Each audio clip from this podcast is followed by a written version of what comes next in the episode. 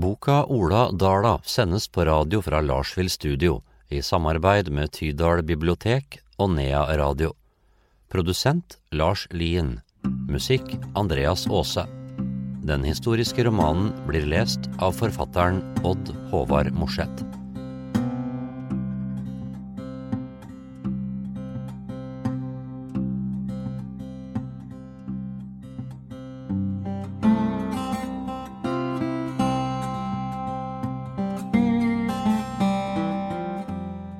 Kapittel 6 Mandag 5. august 1822 Auksjon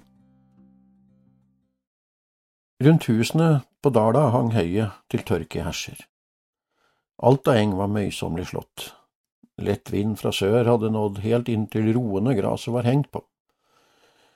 I natt hadde det knapt vært duggfelling. Når slike dager kom, var det tid for høytørking utover ettermiddagen. Den store høylua nede i tunet var tom. Ola sto på gårdshella utenfor det store toetasjes tømmerhuset øverst i tunet. Det kraftige furutømmeret luktet av malm. Det svarte håret med midtskill var strøket bak ørene. I ansiktet var det begynt å gro ut litt hårvekst som knapt kunne kalles skjegg. Han var barbeint. Den åpne skjorta hang over lærbelte og bukseseler. Det skulle bli fin sommerdag på Dala. Gullklokka hadde slått. Klokka var over fem. Sola kom klatrende opp over åskammen ved Skarsfjellet. Det blinket hvitt i snøfonnene under de skarpe taggene borte ved Syden. Ola ble 16 år den 7. februar. Det var et halvt år siden. Lensmannen var på vei oppover dalen, det var lyst for skiftesamling og auksjon. Han innså at det neppe kom til å bli noe høykjøring her i gården i dag, han skulle settes på nye prøver. Gammel-Halvor kom ned loftstrappa og myste mot morgensola. Veien gikk bort til Fjøsnova, der han møysommelig sendte gule stråler mot hjørnesteinen. Han heiste på seg buksa og strammet livreima før han satte seg på steintrappa. Du har vært borte i flere dager nå, Ola. Det er ikke fritt for at jeg har tenkt at kom du til å holde deg borte denne dagen også? Én ting er sikkert, morfar, i dag skal jeg være her. Ola virket fjern og avvisende der han sto bredbent og så på noe som lå lenger borte enn fjellene. Anne kom ut i godværet og varslet om at grøten sto på bordet, og ropte opp til Halvor at det er på tide å stå opp til mat. Kan du berette noe om hva det er for ærend du har på Røros?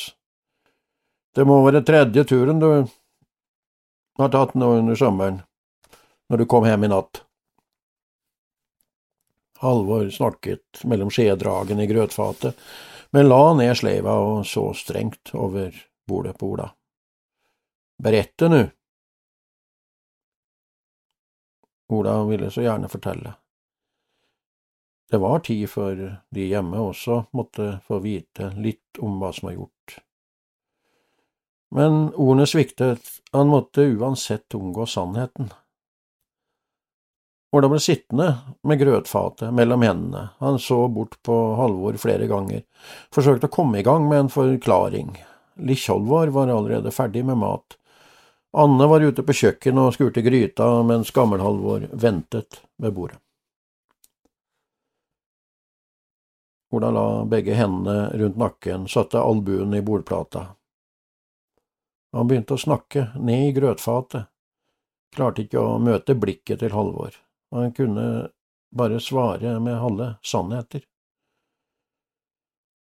Det, det, er store summer som skal til for å berge gården. Det er så mange som har krav. Jeg har søkt hjelp og fått hjelp, vi får se hvordan det går gjennom dagen. Hva slags hjelp kan jo det være? Du kom like ensom og tomhendt i gårs i natt som da du dro. Um, det det får bli opp til lensmannen å ta rede på noe, sa Ola. Med et nikk mot Halvor reiste han seg, og med stram og klar stemme inn på kjøkkenet til Anne varslet han om at nå må vi gjøre oss klare til å ta imot lensmannen. Auksjonen var satt til klokka tolv, men det var varslet om at lensmannen og takstmannen skulle taksere de to utmarkstegene som gården hadde eiendomsrett til før den tid. De områdene gården var eier av, lå i Mørsedalen og inne i Nedalen. Gjennom lange tider hadde markaslåtten i Nedalsøyene gitt betydelig bidrag til gården. Det var mangt et høylass som hadde kommet derfra på sledeføre om vinteren. Inne i Mørsedalen hadde de seterhus og beitemark, retten til setring og fiskerett i Mørsjøen ville forsvinne ved et salg. Innenfor Setervollen smalt dalen av og gikk over i Snaufjellet. De måtte finne seg en ny seter. Begge utmarksparsellene hadde vært delt mellom de to Stugedalsgårdene, i matrikkelen oppført som et halvt marklag. Henning Saksesen hadde tatt med seg sin halvpart fra Neggarden da han flyttet på andre sida av sjøen, til Rote, og skjøtet det over dit.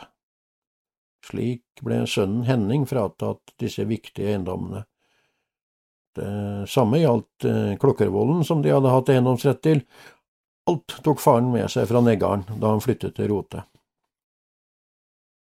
Ola visste nå at det var stor fare for at eiendommene ville gå tapt i løpet av dagen, også for denne gården. Såpass hadde han forstått da Borchgrevink lørdag gikk gjennom planene for auksjonen og ga ham klare instrukser. Disse eiendommene vil være et godt bidrag til ditt ønske om å etablere en framtid på Stugedal. Du får håpe at taksten blir satt høyt, og at det finnes kjøpere. Utover dette er det nå opp til deg om du klarer å ordne opp i resten. Det lånet min kone og jeg har besluttet å forstrekke deg med, bør være stort nok til å berge det meste av eiendeler. Samtidig er dette av en slik størrelse og art at vi setter de strengeste krav til redelighet, at du er ytterst diskré og er lojal mot pantet, skal være den største selvfølge. Det var blitt varmt i sola ute i tunet da Henning kom løpende inn i kjøkkenet til Anne. Lensmann kommer! Det er hester borte ved hva? Gammel Halvor reiste seg tungt opp fra bordenden der han hadde blitt sittende etter mat. Nå tok han veien ut til hersene oppi bakken. Han begynte å kaste høy ut av hersene. Auksjon og utbud fikk bli som det blir. Halvor likte å holde fast ved de daglige gjøremål. Det var dags for høykjøring i ettermiddag om bare høyet fikk lufte seg litt ned på bakken. Han ristet ut noen grastuster som hadde hengt innerst ved roene, der det fortsatt var noe fukt igjen. Han tok seg bedre tid enn det som normalt var mens han fulgte med nede i tunet. Halvor var en arbeidsmann som alltid hadde lagt flid i alle oppgaver, men noen rikdom hadde han ikke klart å skaffe seg. Det var ikke slik livet skulle være. Det kjentes ikke riktig å overleve sin egen datter og svigersønn. Enda verre kjentes det nå når han ikke klarte å bistå sine egne barnebarn ved en håpløs skillevei. Barna nede i tunet var overlatt i en umulig tilstand. Nå når alt av verdi kom til å bli spredt for vær og vind, det var ikke lenger noe framtid for dem her på Dala. Han så Lars Eriksen komme kjørende med hest og vogn inn i gården, Bonden på Østre Stuevollen så ut til å ha hele huslyden med seg i vogna. Han overlater hesten til sønnen Ola og går målbevisst inn til lensmannen som sitter i stua sammen med Ola og takstmennene. Etter hvert kommer det noen folk gående, og andre kommer ridende inn i tunet. Halvor var blitt en gammel mann både til sinns og syn. Det siste året hadde tatt kraftig på og satt sine spor. Tankene gikk som kverna borti bekken, om igjen og om igjen, gjennom lange netter, i sakte, store sirkler. Han ville så gjerne spre litt glede og humør til ungene, men det strakk ikke til. Det var trist nok å vite at han var en gretten gammel gubbe. Smil og latter i hverdagslige hendelser skjedde så altfor sjelden nå for tida. Hva framtida til barnebarna skulle bære med seg, var noe han ikke lenger hadde makt over. Han ville ikke være nede på gården og bli vurdert og beglodd i dag. Lensmannen kom ut på trappa og leste opp ei liste over kreditorer før han slo klubba i bordet. Det var klart for auksjon. Han innledet med at de i tillegg til alle eiendeler hadde taksert de halve partene i to utmarksteiger og satt en samlet taks på dette til 50 riksdaler. Vi setter eh, disse teiger ut til samlet bud, og det bydes. 50 daler er budt, ropte Lars Eriksen. Lensmannen slo for salg. Folk kunne ikke forstå annet enn at lensmannen slo for salg direkte og prompte, før andre var gitt mulighet til å være med på bud. Lars var snart fram til lensmannen og signerte for kjøpet. Sønnen Ole var også med fram. Ole var godt etablert med familien sin i felles hushold med foreldrene på Stuvålen. Ola satt på stabbustrappa og så på folket som hadde trengt seg sammen. Han skjønte at nå hadde gården mistet eiendomsretten til utmarka. Han hadde fortsatt rett til utmarka som lå under byksen på gården. Planen var å klare seg med det. Han kjente til de fleste av fjellbøndene, men han festet seg ved en høyreist kar i en grønn frakk han husket at karen hadde vært her på gården for snart to år siden og framsatt trusler. Anders fra Brekken hadde krevd far Peder for et stort pengebeløp, der han hadde stått ute i tunet og holdt en staselig ridehest ved tøylene. Høylytt og sint hadde han proklamert at det er på tide å avslutte kreditten jeg har gitt deg. Det må da være måte på hvor lenge jeg skal brødfø dere her på gården, Rentene løper løpsk, snart fortere enn du klarer å skaffe nye skilling. Far hadde krympet seg og lovt et fullstendig oppgjør så snart kølet var levert, på ettervinteren. Mye trusler fulgte, både om lensmann og krav i hest og kyr. Ola hadde ikke glemt blikket han satte i far. Han hadde snudd seg like truende mot Ola da han rev ut av tunet, som om trusselen også var rettet mot ham. For første gang hadde Ola sett blikket til en kreditor. Lensmannen varslet at han ville gi et samlet utbud på gårdens kreaturer slik de var i beskaffenhet ved taksasjon i januar. Det ble uro og prat mannen imellom i forsamlingen, og noen mer høylytte protester kom. Han hevet på nytt stemmen og varslet at Hesten ikke fulgte med auksjonen, den hadde Ole Pedersen her på gården løst inn. Det ble enda tydeligere at folk undret seg over hva som foregikk, mens lensmannen ramset opp kyr, kviger, sauer og gimrer, geiter og killinger, okse, bukk og vær. Alt ble benevnt etter alder og beskaffenhet. Han skuet utover forsamlingen der folk så seg forundret rundt og gestikulerte. Blikket var skarpt under den blanke lueskjermen. Munnen var smal og streng.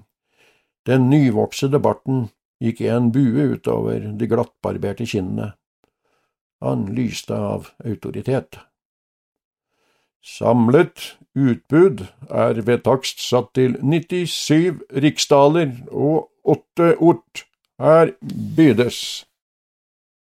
Uroen var økende. Slike summer hadde da ikke for rede hånd. Det var da rett ut umulig for en skarve bonde å ha slikt på kistebånd. Det var ventet at salget skulle gå splittet og delt, ku for ku og kalv for kalv. Snytt for utsikter til godt hestekjøp var de også.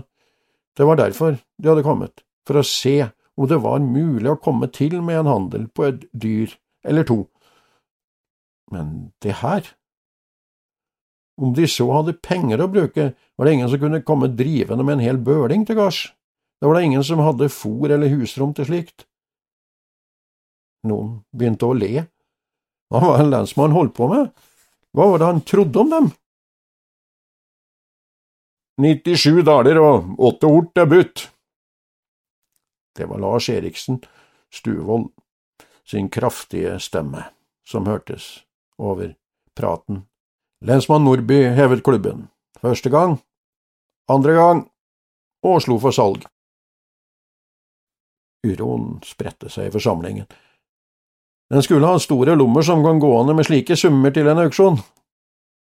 Lensmannen så ikke ut til å ta notis av protestene, og satte inn neste auksjonsobjekt. Gårdens møbler, huskeråd, feller og tekstiler. Lensmannen ramset opp fra taksasjonsdokumentet kråskap, skuffsenger, kobberkjeler, gryter, langbord, benker, stoler, rokk, vevstol og åklefeller ble fulgt av en detaljert liste med huskeråd. Han avsluttet med tre salmebøker, katekismus, Bibelen, postill, før han la til et gulvur fra 1772 laget av Ambrosius Morsett fra Singsås. Han la bort de tettskrevne arkene og så utover forsamlingen. Alt taksert til en verdi av 104 riksdaler og fire ort. Vi ber om et samlet bud. Her bydes. Nå var ikke forsamlingen bare rolig. Det kom høylytte protester, som kunne høres helt opp til der Gammel-Halvor hadde satt seg ned i høyet. Han kunne se at noen begynte å bevege seg nærmere lensmannen. 104 daler og fire ort er budt. De kjente alle igjen stemmen som overdøvet dem alle, selv om Lars nå hadde flyttet seg bort mot stabburet der Ola satt. Ingen høyere. Første gang. Annen gang. Solgt. Lensmannens klubbe smalt med stor hastighet ned i klaffebordet de hadde båret ut på trappehella. En liten stillhet oppsto av det kraftige smellet, og lensmannen fortsatte på direkten. Da gjenstår alt av vogner, sleder, seletøy, ridesaler, stubbebryter, spett, økser, biler, ljåer, sigder, fangstfeller og glefser, tjor, grimer, reimer. En detaljert og lang oppramsing fulgte etter lensmannens innledning. Nordby var svett. Den tett tilknepte uniformsjakka var fuktig på innsiden. Det var varmt, varmere enn han trodde det kunne bli så langt til fjells. Ute i tunet snakket folk nå høylytt seg imellom, og hørte knapt etter på lensmannens opplesning. Noen protesterte høylytt og direkte mot lensmannen. Men det ble ikke lagt så stor kraft bak ordene. Respekten for øvrigheten var stor, i lengden kunne det være dumt å legge seg ut med slikt folk, bare for å få kjøpt seg en kukalv. Alt til en samlet takst av 74 riksdaler og fem ort. Vi ber om bud. Her bydes. Lensmannen forsto nok godt protestene. En slik auksjon hadde aldri vært gjennomført i hans embetstid. En gårdsauksjon var som regel ikke over før siste grøtfat og sleiv gikk under hammeren i de sene kveldstimer. Han hørte på nytt Lars over den hissige praten. 74 riksdaler og fem ort er budt. Lensmannen slo, og han slo en gang til før han takket for oppmøtet og ønsket alle vel hjem. Halvor reiste seg opp fra høyet borte i bakken bak huset, ristet på hodet og undret seg over hva han nettopp hadde vært vitne til nede i tunet. Om denne forestillingen var noe guttungen hadde planlagt og stelt i stand, måtte det være et kunststykke. Kunne det være slik at han hadde klart å unngå at alt av gårdens eiendeler ble spredd for vind og vær? Lars kunne umulig ha ment å ta med seg både krøtter og husgeråd bort på Stuggevollen. Der var det fra før knapt med husrom i både stuer og fjøs. Alvor ruslet bort til neste lengde i hersen og ristet mer høy ut på bakken. Et lite skeivt smil hadde hengt seg opp borti den ene munnviken, og løste opp de sterke furene i ansiktet. Han strakte på ryggen og myste mot sola som fortsatt lå i god høyde over åskammen i vest. Han fikk se til at det ble høykjøring på tampen av dagen, så hadde han kanskje allikevel noe å ordne opp i de dagene som kom. Det ble snart et skikkelig spetakkel ute i tunet etter auksjonen var over. Det hadde gått noen spritflasker på deling mellom mennene, noe som hadde gitt både mot og høylytt stemmebruk. Anders Lien fra borti Brekken hadde ikke fått anledning til å benytte ledig kapital, men et lite forråd med sprit var uansett med der han måtte ferdes. I dag så det ut til at det gikk riktig så godt med omsetningen fra det førsteklasses utvalget han hadde av genever. Det var knapt noe igjen å legge i saltaskene på hjemvei. Så lenge lensmannen hadde vært i tunet, hadde han holdt seg nede ved de bakre rekker og bestyrt salget ved løveveggen. Anders hadde strøket det lyse håret tett bakover skallen og festet det i en hestehale. Det kremgule halstørkleet var lagt to ganger rundt den korte halsen og knyttet i en stor sløyfe under haken.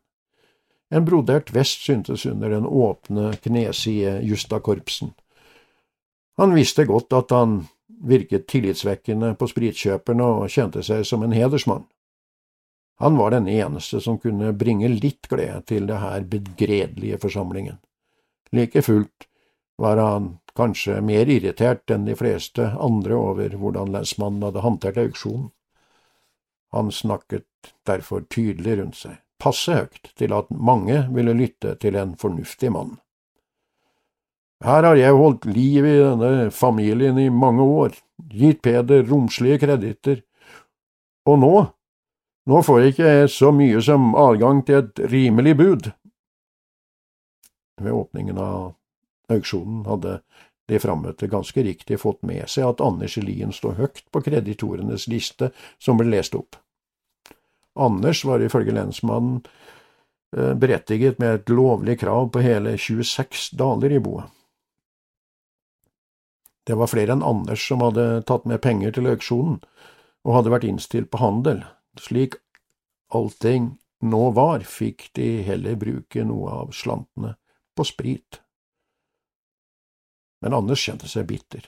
Han var lurt. Penger hadde han godt om.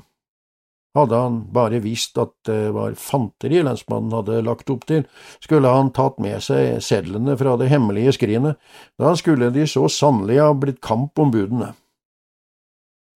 De skulle ha fått stå der lange i maska, både lensmannen og han Lars borte på Stuggevollen, han skulte bort på stabbuskjella der Ola satt.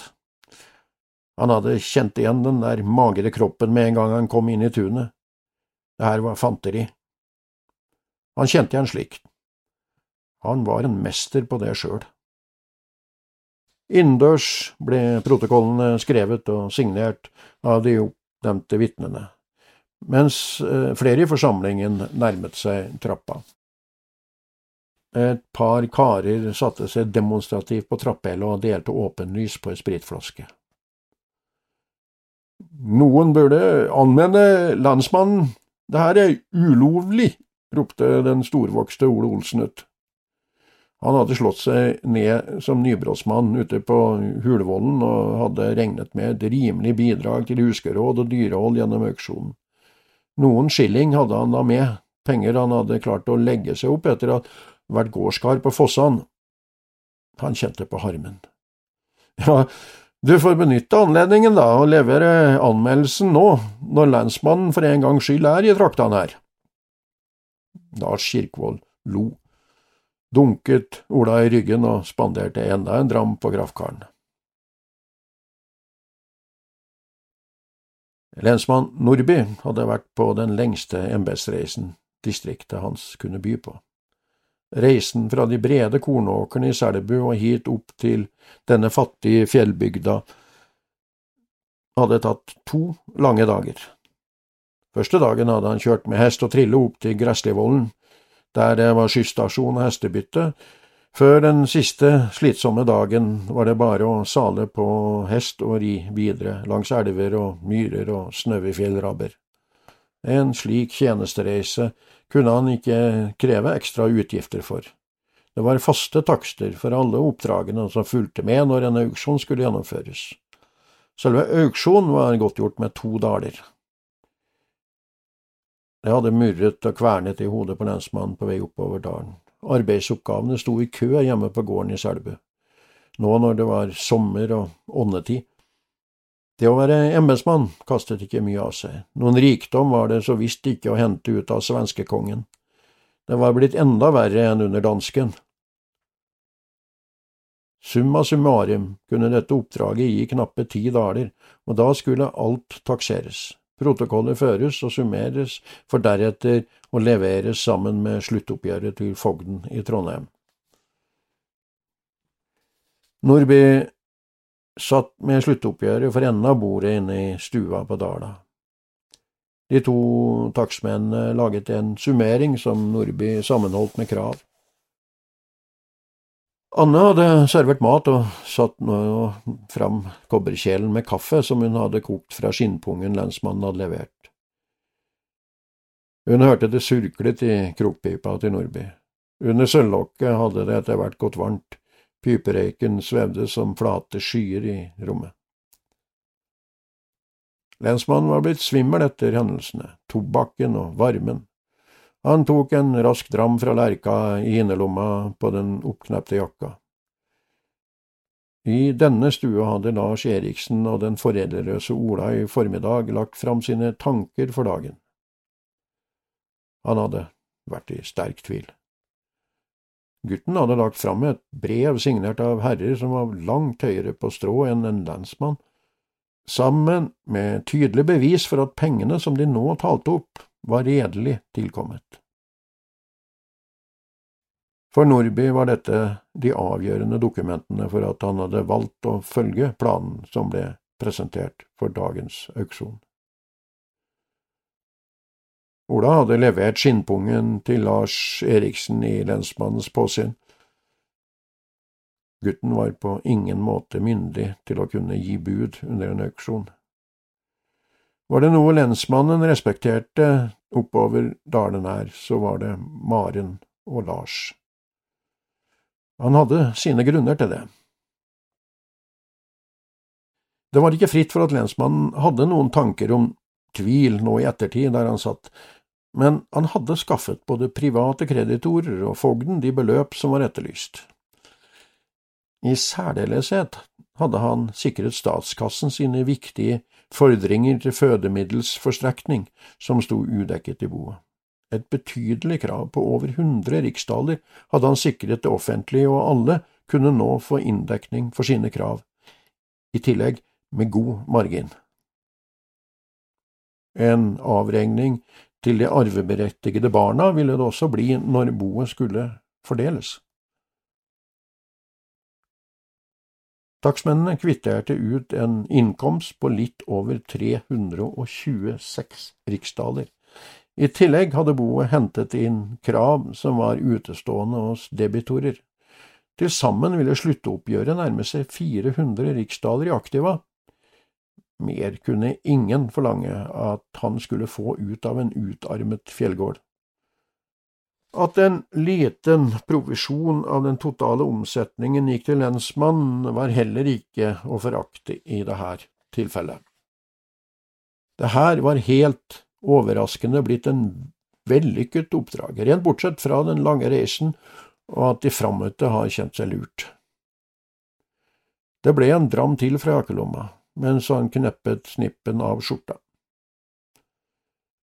Han hadde så visst fått med seg besvergelsen og, og ubehøvlede tilrop ute i tunet etter rent auksjon.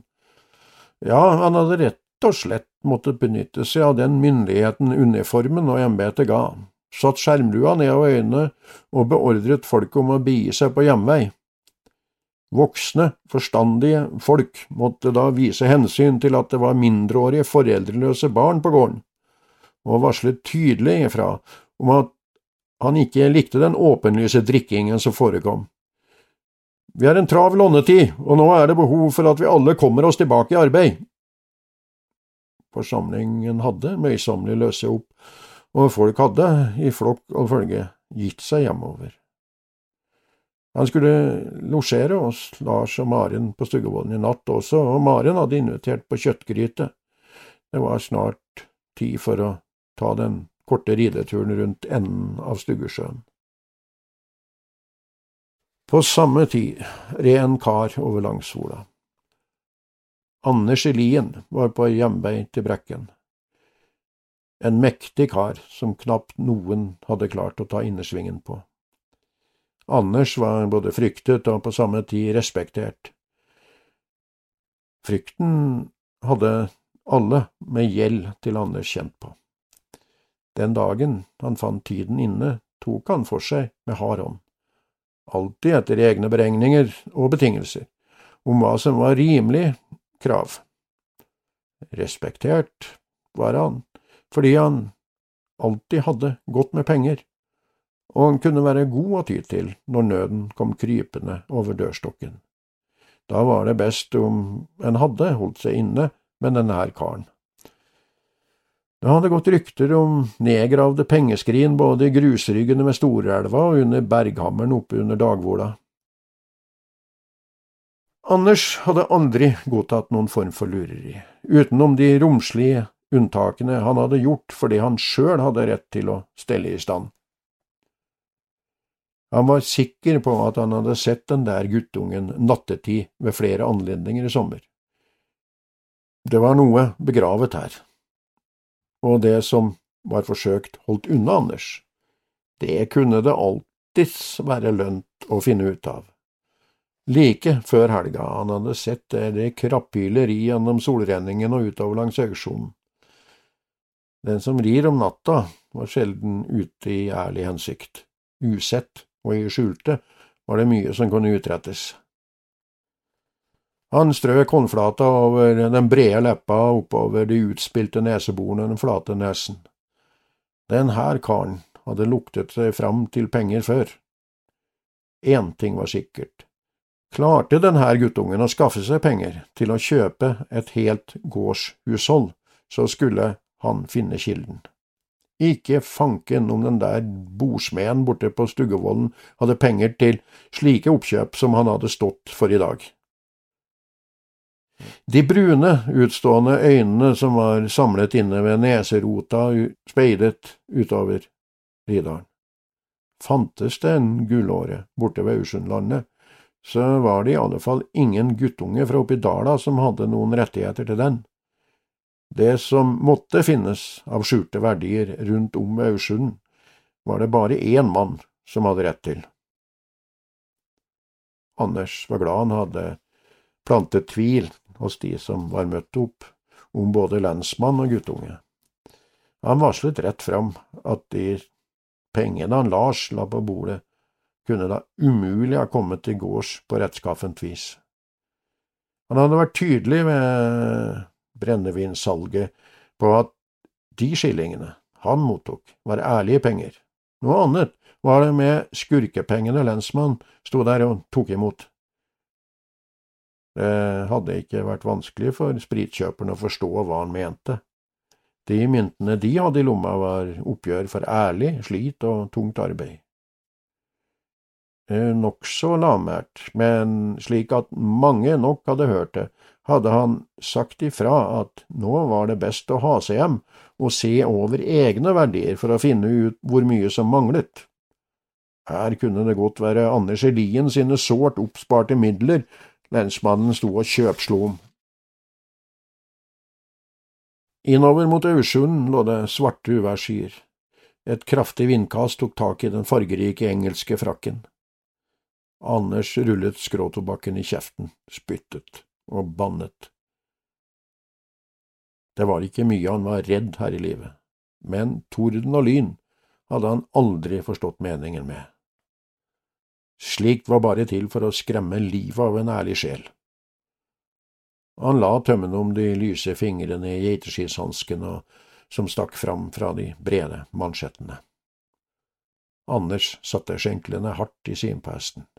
Med stram tøyle og dårlig til mote red han innover Riedalen.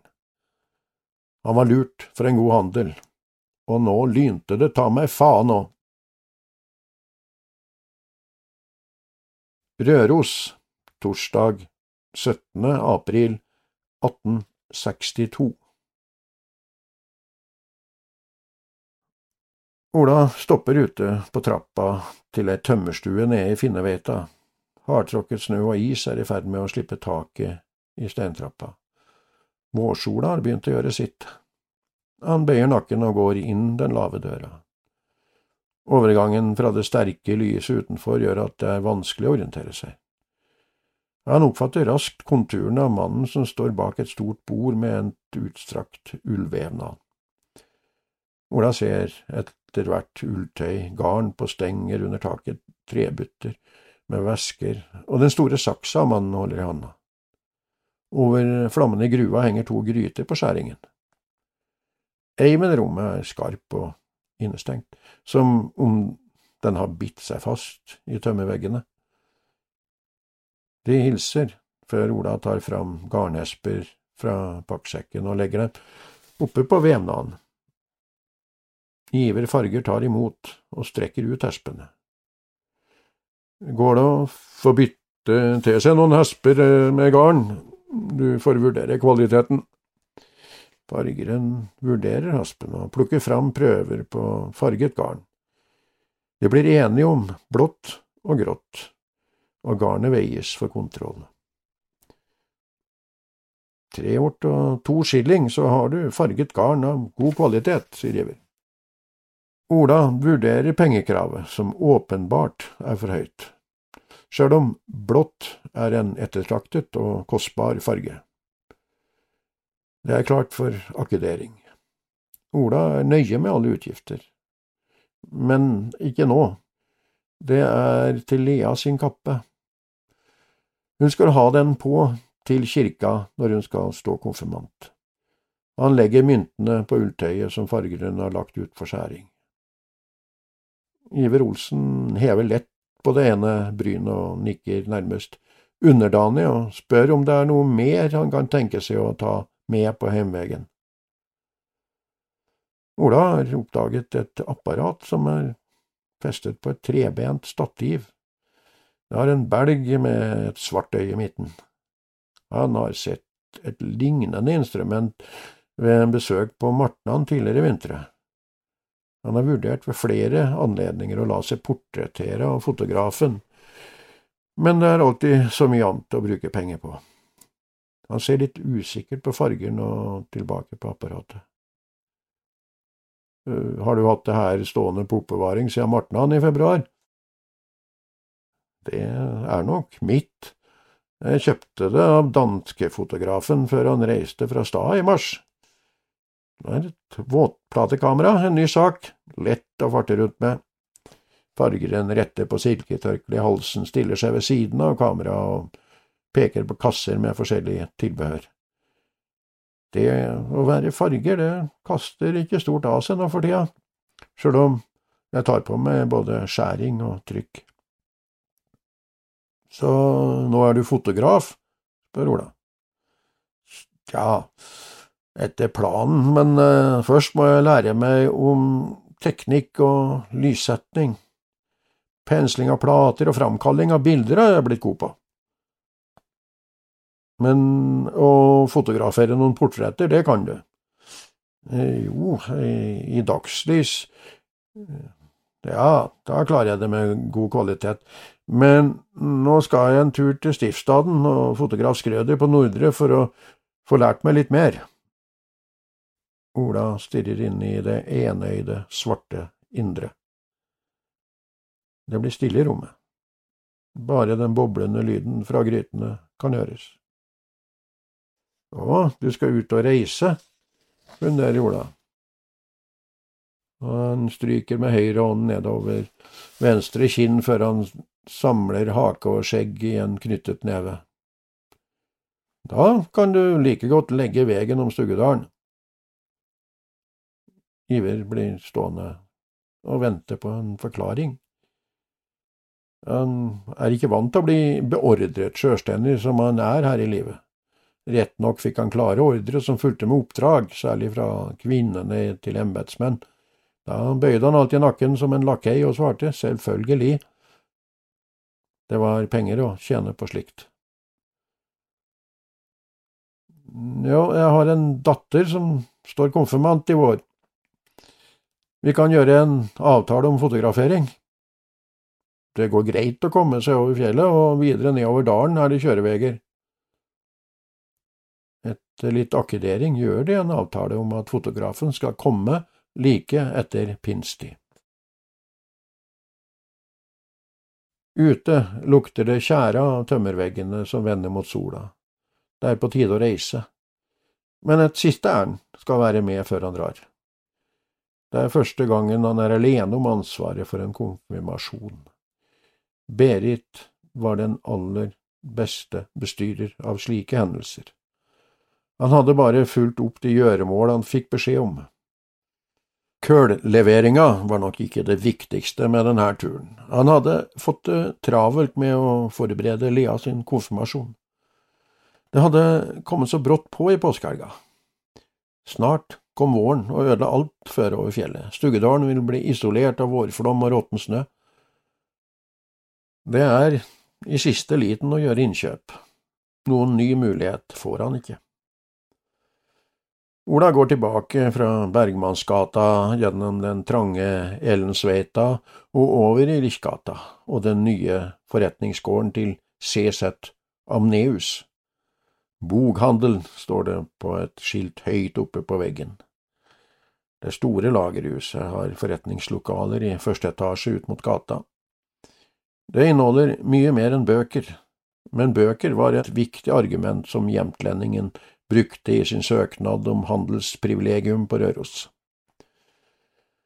Ola går inn i den brede hovedinngangen til gården og inn i forretningen. Her er det alle slags daglige handelsvarer, men innerst i rommet er det innredet ett hjørne med en stor samling av bøker.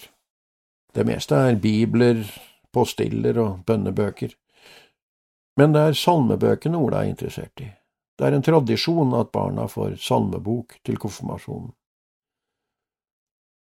Han er stolt av at konfirmantene fra gården har stått med nye salmebøker mellom hendene i rekkene på kirkegulvet. Lea skulle så visst ikke være noe unntak. Når presten gransket konfirmantene opp og ned, én for én og stilte spørsmål, skulle hun stå der med en salmebok som var ny og gyllen både i skinn og skrift. Det skulle bli hennes egen bok, som skulle følge henne gjennom livet. Lea skulle aldri gå tomhet i kirken etter konfirmasjonen, han finner salmeboken til Harbo og Gullberg i flere utgaver, og velger en med små sølvbeslag for hektene i læreimene som stenger den smale boken. I bokryggen er bokstavene preget inn med gullskrift i det myke skinnet. Jeg er klar for hjemtur. Mat kan han ta seg fra Færaskrinet når han kommer i sleden.